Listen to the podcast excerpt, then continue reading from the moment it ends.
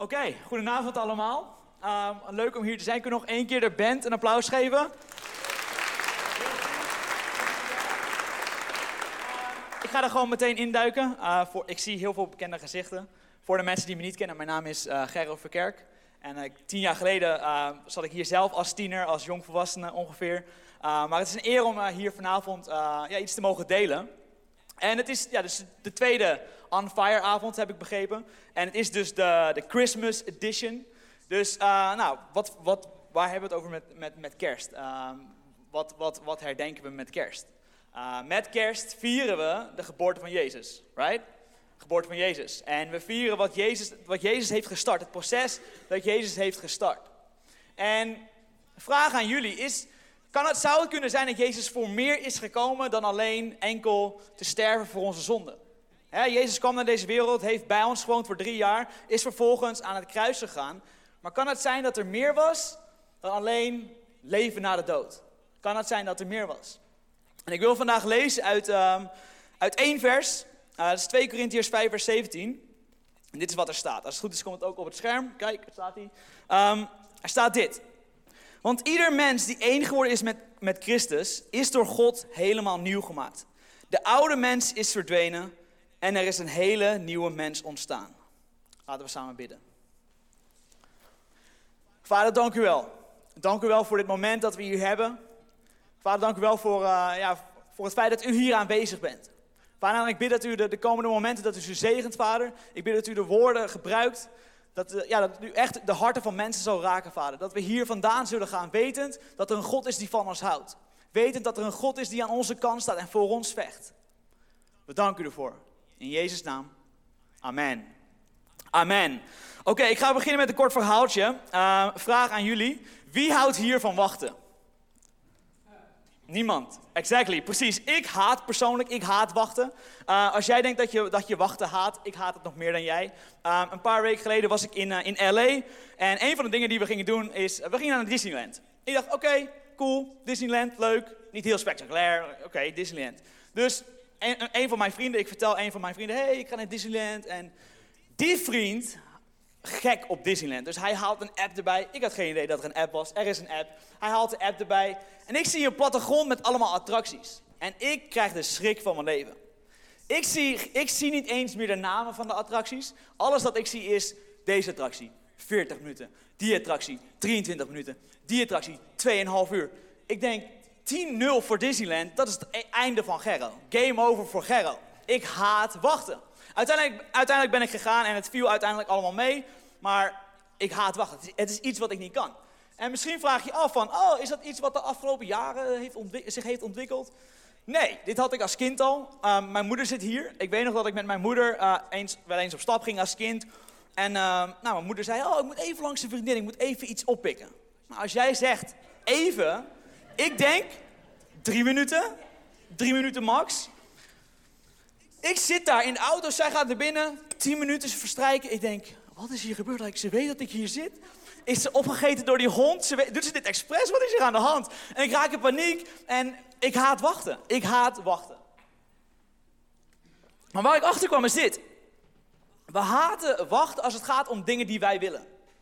We haten wachten als het gaat om die bestelling in het restaurant, om het pakketje uh, van bol.com. We haten wachten als het om dat soort dingen gaat. Maar als het gaat om onze transformatie, als het gaat om veranderd worden door Jezus, zeggen we, oh ja, ja, ja ik kan wachten. Ik, ik kan wachten. Jezus, dank u wel dat u mij gered heeft. Dank u wel dat u aan het kruis bent gegaan. Maar als het gaat om mijn transformatie, als het gaat om mijn verandering, I'm good. Ik, ik, ik, ik, ik, sta, ik, ben, ik blijf liever hier. Ik blijf liever wie ik, wie ik nu ben. Ik hoef niet per se getransformeerd te worden. Maar wat we krijgen is een generatie van jongeren die zeggen: hey, ik ga naar de kerk en ik ga af en toe naar, naar jeugdgroep of kring, hoe je het ook noemt hier. Ik, ik doe al die dingen. Ik, ik ga soms naar, naar, naar, de, naar de kerk, ik ga naar een, naar een aanbiddingsavond om dat warme gevoel van binnen te krijgen. Maar als het gaat om mijn transformatie, I'm good. Ik hoef het niet per se. Ik hoef het niet nu. Ik ben nog jong, ik ben, ik ben 16, 18, 20. Ik hoef het niet per se. We kunnen wachten. We wachten. En wat ik wil voorkomen is dat we als christenen dus ja zeggen te tegen Jezus. We zeggen ja tegen Jezus, we willen Jezus volgen. We gaan naar de kerk, we doen al die dingen. Maar we hebben ons nooit laten veranderen door Jezus. We hebben ons nooit laten veranderen door Jezus. En wat er gebeurt, wat er gebeurt is dat we, we laten aan de wereld een, een dubbele standaard zien. We laten zien van, hé, hey, je kan Jezus volgen, maar je bent niet veranderd.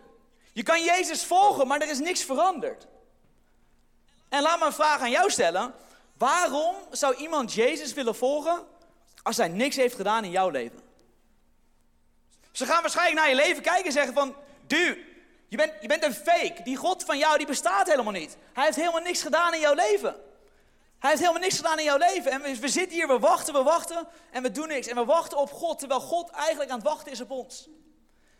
Dat is wat er gebeurt in Lucas 9. Um, in Lucas 9 staat dit. Jezus was, um, een beetje context, Jezus was, uh, he, was een aantal jongens aan het vragen van, hey, willen jullie mij volgen? En dit is wat een aantal van die, van, die, van die jongens zeggen. Ze zeggen dit in vers 61. Weer een ander zei, ik zal u volgen, Heer, maar sta me toe dat ik eerst afscheid, afscheid neem van mijn huisgenoten. Jezus zei tegen hem, wie de hand aan de ploeg slaat en achterom blijft kijken, is niet geschikt voor het koninkrijk van God. En sommigen hier, dit is waar je nu bent. Dit is waar je nu bent. Je wilt wel Jezus volgen, je wilt wel veranderd worden, maar we wachten. We wachten. En wat ik vanavond, het enige wat ik je wil vertellen, het enige, als je, als je, als je hier vandaan gaat, het enige wat ik wil dat je onthoudt is, je hoeft niet meer te wachten. Toen Jezus aan het kruis ging, toen Jezus hier, hier voor, onze, voor onze zonde was gestorven, opgestaan is uit de dood, hij zei, het is volbracht. Toen Jezus zei, het is volbracht, weet je wat hij bedoelde? Hij bedoelde, het is volbracht, het is gedaan. Hij heeft alles al gedaan voor jou om vandaag een nieuw persoon te worden. Jij kan vanavond vernieuwd worden. God wil jou vernieuwen. God wil jou vernieuwen. Dus laten we nog één keer naar, die, naar de tekst kijken. 2 Corinthians 5. Wat staat er nou echt? Er staat, want ieder mens die één geworden is met Christus, is door God helemaal nieuw gemaakt. De oude mens is verdwenen, er is een hele nieuwe mens ontstaan. Oké, oké, dus we houden hem nog even op het scherm. Er staat ieder mens. Ieder mens. Wat betekent, wat betekent ieder mens? Het is vrij simpel. Het is geen hogere wiskunde. Ieder mens betekent ieder mens. En dat is goed nieuws voor ons. Dat, dat betekent dat een nieuwe schepping worden, een nieuwe mens worden, is niet gereserveerd voor, voor de goede christen. Of voor de christen die 14 uur per dag bidt. Ieder mens. Ieder mens is vernieuwd. Ieder mens kan nieuw gemaakt worden door Jezus. Oké, wat staat er nog meer? Er staat nieuwe mens. Nieuwe mens. Oké. Wat bedoelen we met een nieuwe mens? Een nieuwe mens. Een nieuwe mens betekent dat je van binnen helemaal veranderd bent. Je bent van binnen helemaal veranderd. Je gedachten zijn anders. Je, je spreekt anders. De manier waarop je jezelf ziet is anders. De manier waarop je anderen ziet is anders. De manier waarop je God ziet is anders. Alles aan jou is anders. Alles is anders aan jou. Je ziet de wereld niet meer in je eigen ogen, je ziet de wereld in Gods ogen. Hij heeft je vernieuwd. Hij heeft je vernieuwd. En wat erg belangrijk is om te weten is dat je, je wordt geen nieuw mens. Eh, we mogen het, het, het, uh, Bijbelgedeelte weer van het scherm halen. We worden, we worden geen nieuw mens door wat we zelf doen. Kijk, hoe deze wereld werkt, is als jij uh, iets wil bereiken, moet je er zelf voor werken. Als jij de nieuwe iPhone 15 Pro Max wil, ga je er zelf voor moeten werken, zelf voor moeten sparen. Je moet er moeite voor doen. Je moet er moeite voor doen. Succes komt je niet, wordt niet, komt je niet aangeweid, wordt je niet toegeworpen. Je moet, er moeite, je moet er moeite voor doen. Dat is niet het geval voor jouw transformatie. Jouw transformatie is niet afhankelijk van wat je zelf doet, hoe goed je bent, hoe niet goed je bent. Jouw transformatie is niet afhankelijk van wat jij doet. Wat jij ooit kan doen. Jezus wil jou transformeren. En Jezus heeft alles al gedaan om jou nieuw te maken. Oké? Zijn we er nog? Oké. Oké, dus hoe worden we dan een nieuw mens? Hoe worden we een nieuwe mens? Hoe worden we deze, deze nieuwe schepping waar we het over hebben? Hoe worden we dat? Hoe worden we, hoe worden we een nieuwe schepping?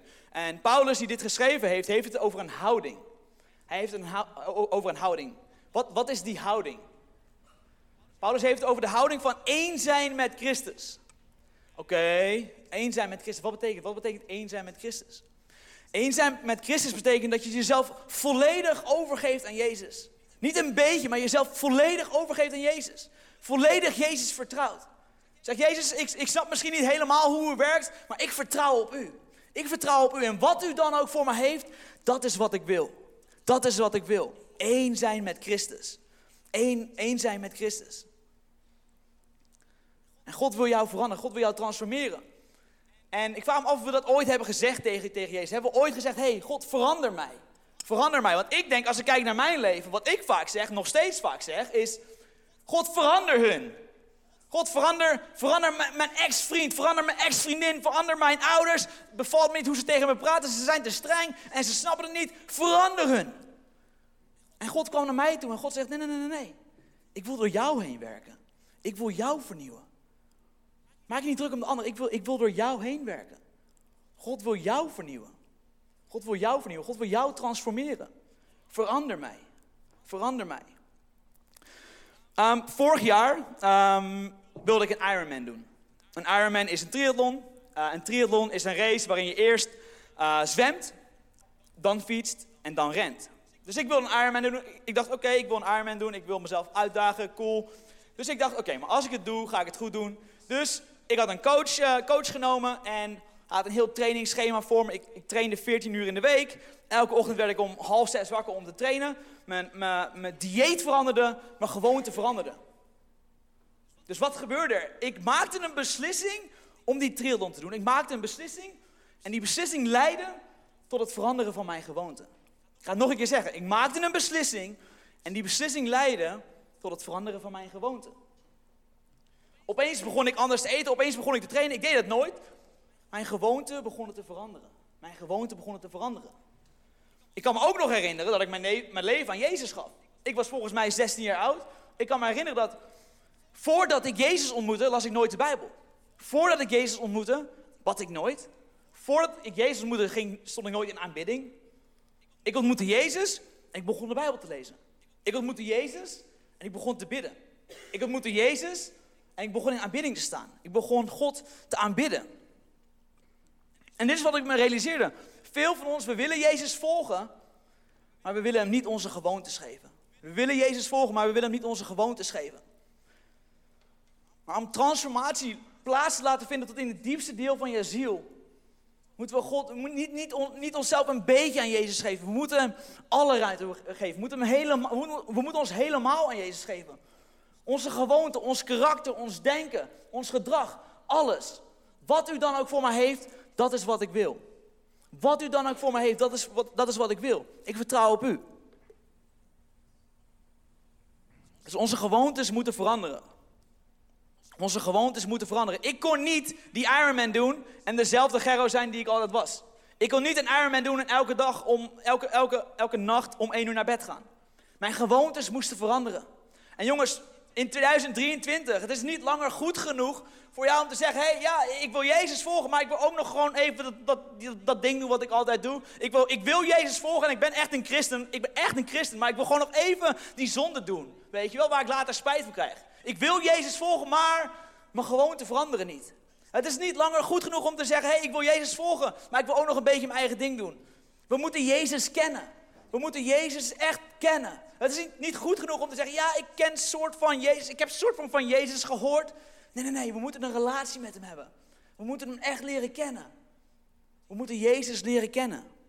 We moeten Jezus leren kennen, we moeten in zijn voetsporen lopen. Dus, we hebben het over gewoontes. Welke gewoontes zouden wij als christenen aan ons leven toe moeten voegen? Welke, wat zou moeten veranderen in ons leven om dus Jezus te leren kennen? Wat is het? Opnieuw, het is eigenlijk heel simpel. Als je kwam voor een, uh, voor een uh, high-end message, preek, um, dit is niet de avond. Ik heb een hele simpele preek voor, preek voor jullie. Ik heb een uh, klein brein, dus um, vandaar. Um, heel simpel, guys. De eerste, eerste gewoonte die we kunnen toevoegen aan, toevoegen aan ons leven. Bidden. Bidden. Oké, oké, bidden.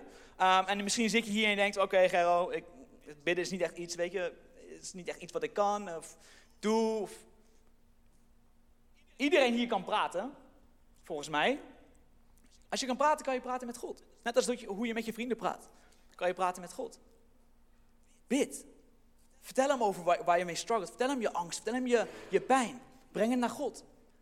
Bid. Breng het naar God. En vaak zeggen we in kerk, hè, als christenen zeggen we, gebed werkt. Gebed werkt. En ik wil het graag eigenlijk omdraaien en corrigeren en zeggen, God werkt. God werkt. En waar je achter gaat komen is dat gebed is een directe, directe deur naar een relatie met God. En wat je gaat merken is dat, dat God gaat werken in jouw leven. God gaat werken in jouw leven. Bid. Breng het naar God. Wanneer, wanneer moet ik bidden, Gerro? Wanneer moet ik bidden? Elke dag. Hoe lang? Zolang als je kan. Dat is de eerste, bid. De tweede, Bijbel lezen. Lees je Bijbel. Maar Gerro, ik kan niet lezen. Onzin, je kan wel lezen, je houdt niet van lezen. Dat is anders. Ik houd ook niet van lezen. Ik hou ook niet van lezen. Bijbel aan audioboek, dat kan ook. Ehm, lees je Bijbel. Lees je Bijbel. Lees je Bijbel. Opnieuw. Wanneer?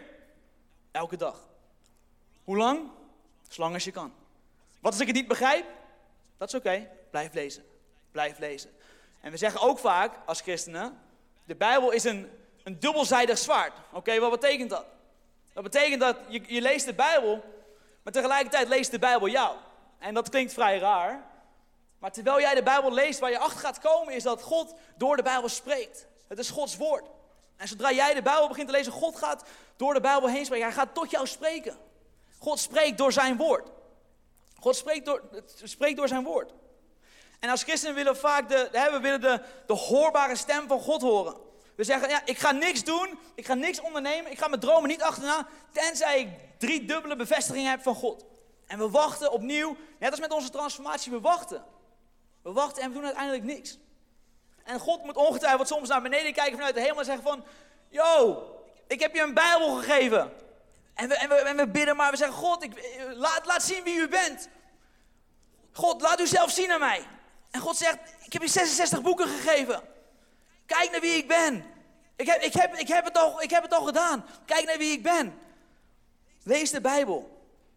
En waar je achter gaat komen is, God gebruikt zijn woord om jou te transformeren. God gebruikt zijn woord om jou te vernieuwen. De laatste is God aanbidden. God aanbidden, oké. Okay. Um, Gerro, like, ik heb niet elke dag een band voor me die, die me in aanbidding kan leiden. Aanbidding is meer dan in een kerk staan en aanbidden. Aanbidding is een, een, is, is een, een houding. Een houding van constante dankbaarheid. God, dank u wel dat u die deur heeft geopend. God, dank u wel dat u die deur heeft gesloten. God, dank u wel dat u mij leidt. God, dank u wel dat u mij leidt. Laten we God aanbidden. Laten we God aanbidden.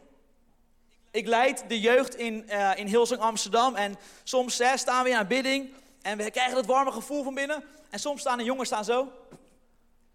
En ik kom naar ze toe en ik zeg, ben je God aan het aanbidden? Ze zeg, nee.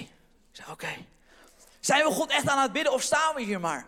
Zijn we God echt aan het bidden of staan we hier maar? Aanbid God. Wanneer? Elke dag. Hoe lang? Zolang als je kan. Aanbid God. Leer Hem kennen. Leer God kennen. En ik denk dat er heel veel van ons zitten, inclusief mezelf, is. En we, we, we weten van: oké, ik kan misschien best kan misschien best vaker mijn Bijbel lezen. Kan misschien best vaker bidden. Um, kan misschien best vaker God aanbidden. Maar wat we doen, net als met onze transformatie, we, wachten. En we wachten en we wachten. En wat er gebeurt is, in ons wachten worden we vaak afgeleid. En terwijl we afgeleid worden van Jezus, doen we eigenlijk dingen die we, die we, niet zouden moeten doen. We doen, we doen dingen waar, waarmee, eigenlijk, waarmee we eigenlijk tegen de wereld zeggen dat we Jezus niet kennen. We zeggen tegen de wereld van nee, nee, nee, nee, ik ben geen christen, ik ben net als jij. Ik, ben geen christen, nee, nee, nee, ik ben, ik ben net als jij. Ik heb geen relatie met Jezus, nee, nee, nee, ik ben net als jij. Ik heb geen relatie met Jezus. Ik ben net zoals jullie.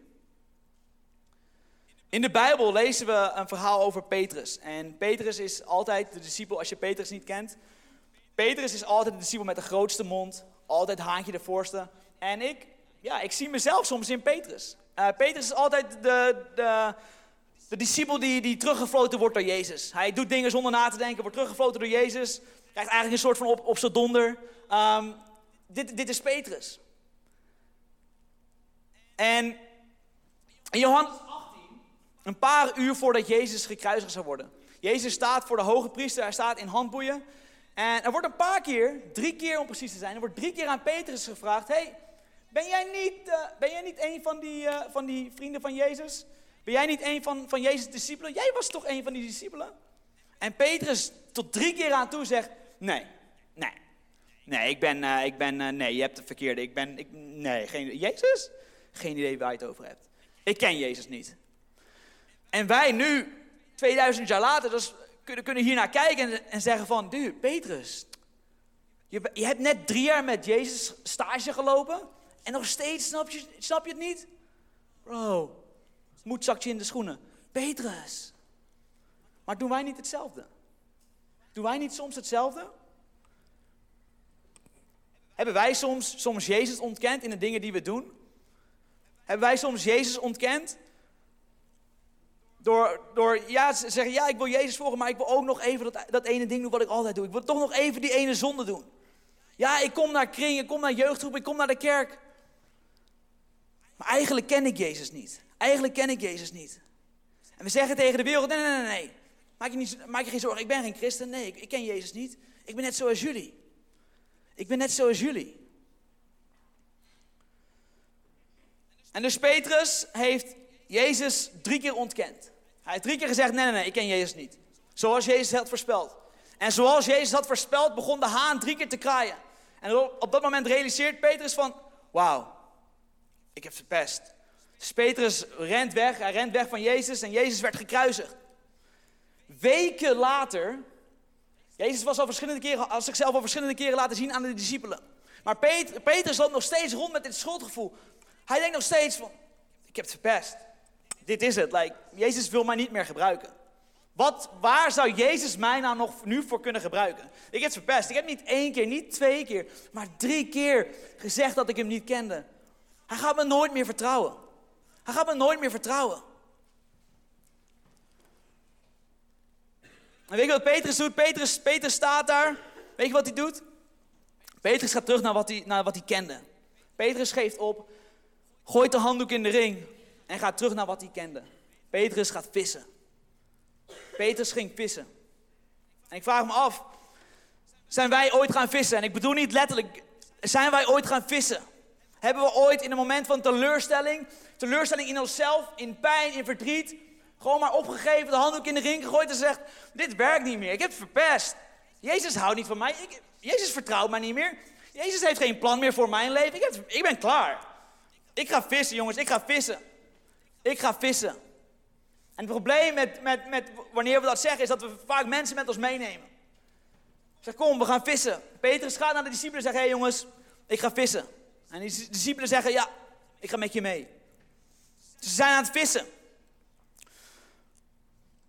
Ze zijn aan het vissen op een ochtend en Jezus komt naar de oever. Jezus staat aan de oever. En ze hebben niet meteen door dat het Jezus was. Ze hebben eigenlijk geen idee dat het Jezus was. Op een gegeven moment roept Jezus naar de discipelen en zegt: Kinderen, kinderen, dat is niet een, niet, een term die ik zou gebruiken. Kinderen, kinderen, dat, kinderen is een relatieterm. Kinderen is een familieterm. Kinderen betekent, hey, ik, ben nog steeds, ik ben nog steeds betrokken in jouw leven. Jij en ik, wij zijn nog steeds, wij zijn niet klaar. Ik ben nog steeds bij jou, ik, ik hou nog steeds van jou. Kinderen, hebben jullie vis? Kinderen, hebben jullie vis? Kinderen, hebben jullie vis? Kijk naar deze situatie. Jezus is aan het kruis gegaan. Jezus is gestorven. Hij is opgestaan uit de dood. En hier is Petrus. Petrus is aan het vissen. Dit is het belangrijkste moment in Petrus' leven en waarschijnlijk in de menselijke geschiedenis. Dit is het belangrijkste moment. En wat doet Petrus? Petrus is aan het vissen. Petrus is aan het vissen. Kinderen, hebben jullie al vis? Hebben jullie al iets gevangen? Ze zeggen nee. Hij zegt, gooi je net uit aan de andere kant. Ze gooien net uit aan de andere kant en meteen zit het net vol. 153 vis, meteen zit het net vol. En een van de discipelen is zo enthousiast en hij zegt tegen Petrus, Petrus, Petrus, Petrus, dat is Jezus. Petrus strekt zijn jas omhoog, springt in het water, zwemt, rent naar Jezus toe. En daar ziet hij Jezus. Hij treft Jezus aan aan de oever. En wat is Jezus aan het doen? Jezus is ontbijt aan het maken. Jezus, is, is, dit, is dit echt nu het meest, is dit echt het juiste ding om nu te doen? Moeten niet boos zijn? Moeten ze, niet zich, moeten ze zich niet verontschuldigen? Moeten ze niet gaan vasten? Moeten ze niet om vergeving vragen? Jezus, wat bent u aan het doen? Ontbijt aan het maken. Kijk naar de genade. Kijk naar het geduld. In zo'n moment waar Petrus absoluut heeft gefaald. Waar Petrus absoluut Jezus teleur heeft gesteld. Jezus is ontbijt aan het maken. En niet alleen dat. Jezus is ontbijt aan het maken. Weet je wat Jezus zegt? Jezus zegt, hey, breng, breng wat van jouw vis. Breng wat van jouw vis. Jezus had al vis op het vuur. Jezus had al vis op, vis op het vuur. Jezus had al vis op het vuur. Hij had, het, hij had al die vis, had, hij, hij had het helemaal niet nodig. Wat Petrus bracht. Hij had het niet nodig, hij had het al. Laat me heel duidelijk zijn. Als jij dacht dat het om nood ging, als jij dacht dat je nodig was voor God, je dacht dat jij nodig was? Nee, nee, nee, nee. God heeft jou niet nodig. God heeft wat jij brengt naar Hem niet nodig. Je bent nooit nodig geweest. Je bent altijd gewild geweest. Jij heeft je nooit nodig gehad. Hij wil jou. En nu nog steeds. Hij wil Petrus. Nadat hij hem gefaald heeft. Nadat hij hem teleurgesteld heeft. Hij wil Petrus nog steeds. Hetzelfde geldt voor jullie. Hij wil jou nog steeds. Hoe erg je ook gefaald hebt. Hoe erg je ook gezondigd hebt. Ik weet dat je in pijn bent. Ik weet dat je je schaamt. Maar Jezus wil jou nog steeds. Hij wil jou. Hij wil wat jij brengt. Hij wil wat jij brengt. Hij wil een relatie met jou. En misschien zit je hier vanavond en je denkt: Ja, eigenlijk, om eerlijk te zijn, ik ben, ik ben aan het vissen. Ik zit hier wel in, in, in de dienst en ik zit hier omdat mijn vrienden hier zijn. Maar eigenlijk, als ik eerlijk ben met mezelf, ik ben aan het vissen. Ik heb het eigenlijk een lange tijd geleden al opgegeven. Ik ga afsluiten en de band kan naar voren komen. Maar misschien zit je hier en je denkt, ik, ik, ja, ik ben inderdaad aan het vissen. Ik ben aan het vissen. Wat ik je vanavond wil vertellen is, God wil jou vernieuwen.